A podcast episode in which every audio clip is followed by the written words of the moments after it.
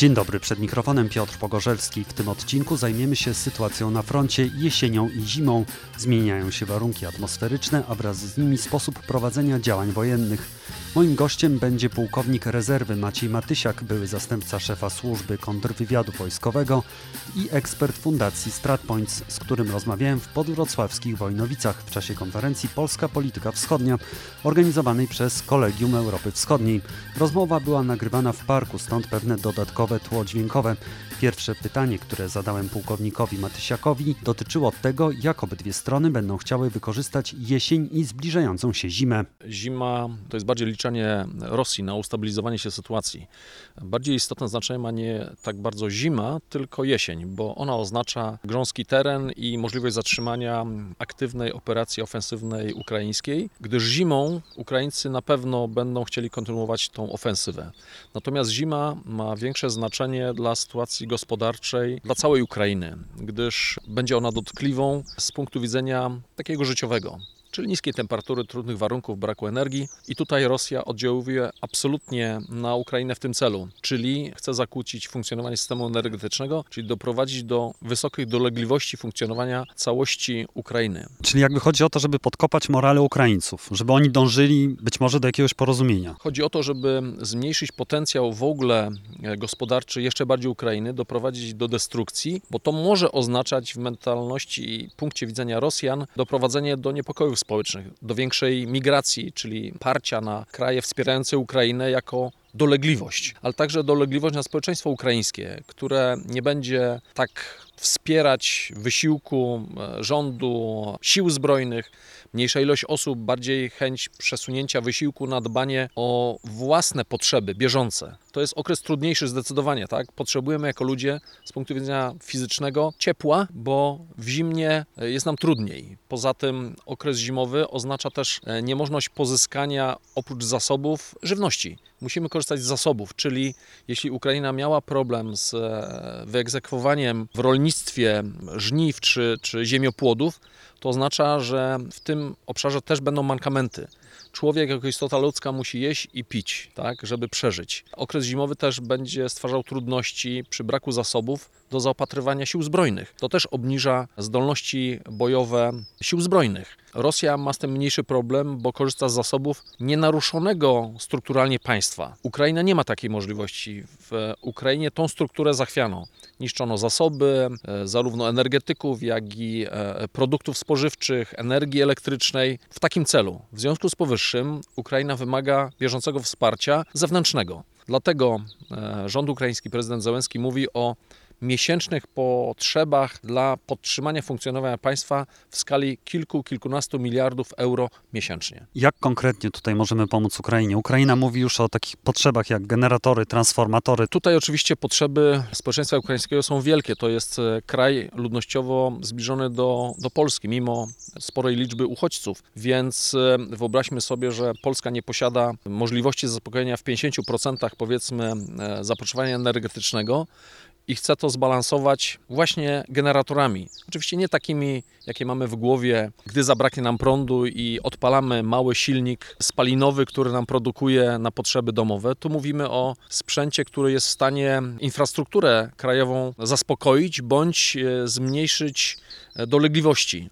I tutaj nie da się w pełni pokryć tego zapotrzebowania. Nie sądzę, żeby istniała na świecie wystarczająca ilość sprzętu, który da się, czy dałoby się wykorzystać. Tutaj Ukraińcy niestety będą cierpieć na dolegliwości, natomiast będą próbować zminimalizować te swoje straty, żeby móc przetrwać trudny okres zimowy z jak najmniejszym ubytkiem, czy morale, czy nawet zasobów ludzkich, bo nie wykluczam, że dojdzie do sytuacji, kiedy ludzie zwykle będą ginąć z głodu czy z zimna. Jeżeli mówimy o pomocy cywilom, to też powiedzmy o pomocy wojskowym. Jaka Pana zdaniem teraz jest najbardziej potrzebna pomoc Ukrainie na tym etapie wojny? Nie tylko na tym. Od samego początku Ukrainie cały czas potrzeba tego samego, czyli pieniędzy, logistyki i bezpośredniego sprzętu do prowadzenia działań zbrojnych na linii frontu.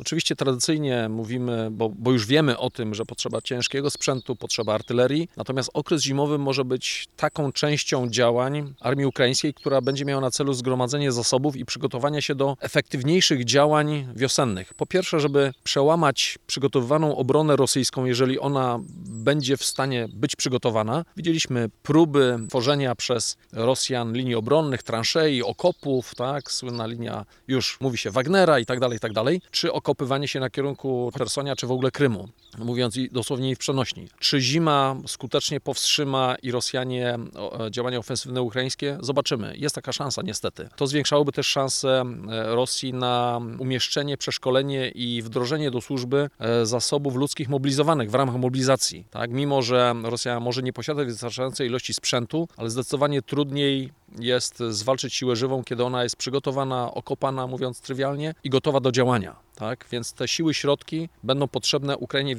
większym stopniu, żeby w okresie wiosennym czy późno wiosennym do działań ofensywnych doprowadzić, a na pewno Ukraina będzie ku temu dążyła, bo cały czas Rosja okupuje tereny zajęte Ukrainy po 24 lutego bieżącego roku. Minister obrony Oleksij Reznikow, minister obrony Ukrainy już mówi nawet, że być może trafią na Ukrainę myśliwce z zachodu. Czy pana zdaniem aż taka pomoc jest y, możliwa? Bo to też generuje kolejne problemy, tak? Tych ludzi trzeba wyszkolić i to nie jest szkolenie tak proste, jak na przykład w przypadku obsługi nawet Hajmarsów. Tak i nie. Jeżeli chodzi o samo przeszkolenie, w tym wypadku pilotów, to ono nie jest aż tak trudne. Oczywiście bardziej czasochłonne niż e, na przykład w sprzęcie pancernym, ale w trybie wojennym te wymogi się skraca.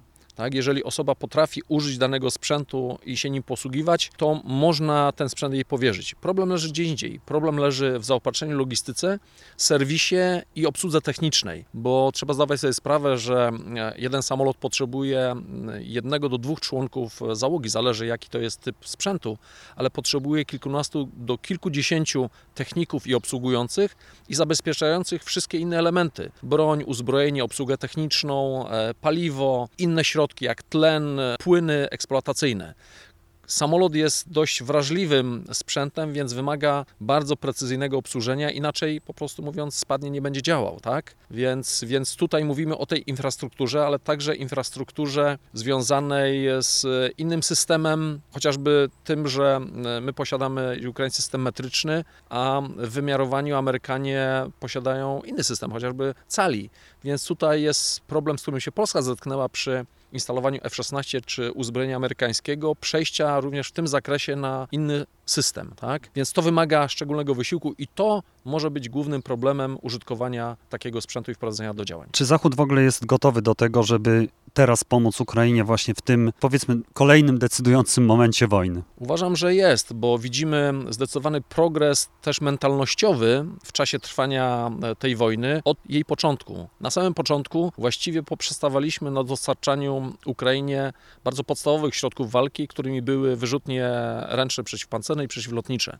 Amunicja niewielkich kalibrów. Nie myślało no w ogóle o przekazaniu artylerii, sprzętu cięższego, który dziś, w tym bardzo zaawansowany technologicznie, widać Hajmarsy, czy Kraby, czy w ogóle haubice, czy haubice M277, które stanowią no, bardzo nowoczesny środek walki, drogi, który jest na wyposażeniu armii e, natowskich, dziś się w Ukrainie znajduje. I ta ewolucja mentalna z wielu względów, wielu czynników, ona następuje i uważam, że będzie następowała dalej, bo już dziś mówi się i dywaguje o przekazaniu chociażby nowoczesnych czołgów typu Leopard Ukrainie. To już jest na tak zwanej tapecie, forach politycznych, o tym już się mówi. Tak, ale pojawia się taki argument, że my nie możemy oddawać tyle broni, ponieważ to oznacza, że my zostaniemy bezbronni. Z jednej strony rozumiem te argumenty, ale z drugiej nie do końca, gdyż z definicji e, naszym potencjalnym największym zagrożeniem jako potencjalnego przeciwnika jest Rosja. Jeśli my, wydatkując e, nawet sprzęt, który posiadamy w użytku własnym, nawet nowoczesny, przekażemy Ukrainie i to przysłuży się do zmniejszenia potencjału zagrożenia ze strony Rosji, to osiągamy zamierzony efekt. To wtedy możemy powiedzieć, że ten sprzęt nie musi znajdować się w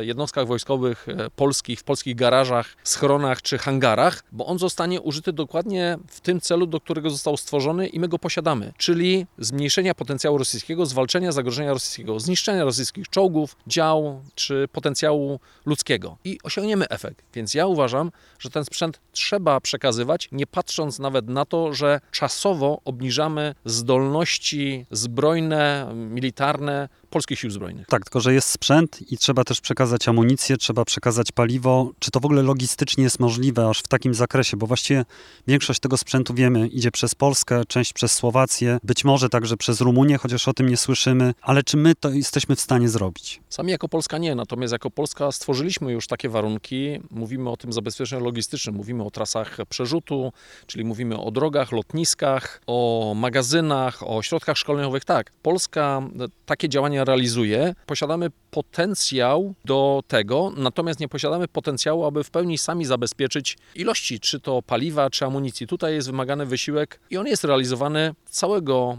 NATO, ale także krajów spoza NATO, które wspierają Ukrainę więc da się. Natomiast nie jest to łatwe, bo tutaj trzeba przełamać opór albo taką świadomość w innych krajach, którymi są Niemcy, Francja, Hiszpania, czyli E, przetransponować nasz punkt widzenia konieczności podejmowania takich działań. Więc ten sprzęt może się znaleźć.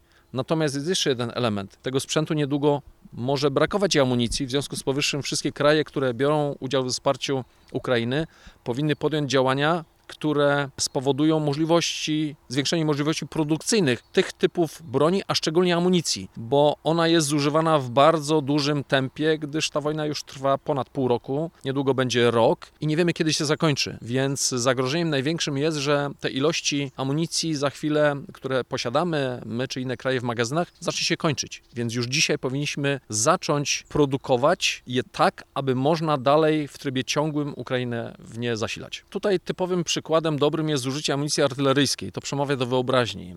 Dziś na Ukrainie mamy między 18 do 20 kilków e, armatohaubic Krab, do której amunicji Ukraińcy nie posiadają, nie produkują. To jest standardowa amunicja NATO, więc ona musi być wyprodukowana albo przez przemysł polski, albo krajów natowskich, które tą amunicję w takim standardzie produkują i może być wystrzeliwana z armatohaubic krab, tak jak amunicja dla krabów może być wystrzeliwana na przykład z Cezarów czy haubic e, niemieckich. Natomiast jak mówimy o ilościach, to to są duże ilości. Podam przykład. W ostatniej transzy amerykańskiej Amerykanie zawarli kilkadziesiąt dodatkowych haubic M277 i około 100 chyba 50 tysięcy pocisków dla nich. My, żeby zabezpieczyć dobrze Ukraińców, musimy mieć świadomość, świadomość, że krab do prowadzenia działań e, ciągłych w ciągu dnia potrzebuje około ciężarówki amunicji. Powiedzmy, że są to działania bardzo intensywne. Przy mniejszej intensywności taka ciężarówka amunicji wystarczy na kilka dni 3, 5, 7. Wszystko zależy intensywności, ale ta wojna toczy się już ponad chyba 250 dni, tak? Więc gdyby nawet ten pojedynczy krab był aktywny co drugi, co trzeci dzień, chociaż jest eksploatowany o wiele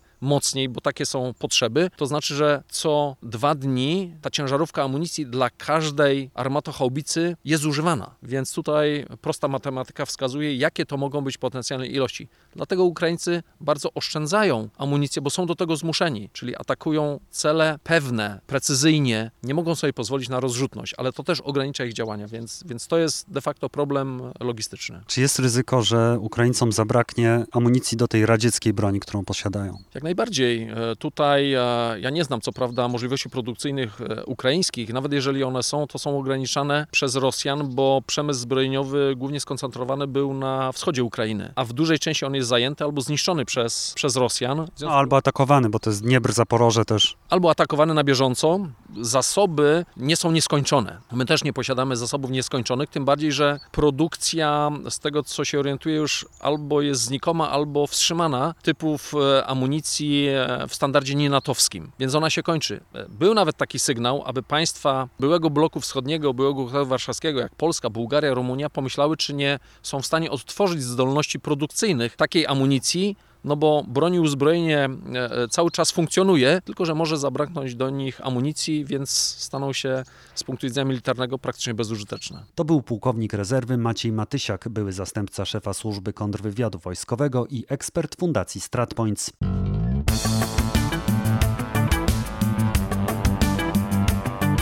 To już wszystko w tym po prostu wschód. Jeśli spodobał się Państwu konkretnie ten odcinek, możecie mnie wesprzeć za pośrednictwem serwisu Buy Coffee. Dla stałego wsparcia polecam zrzutkę i Patronite. Linki w opisie. Do usłyszenia. Żegna się Piotr Pogorzelski.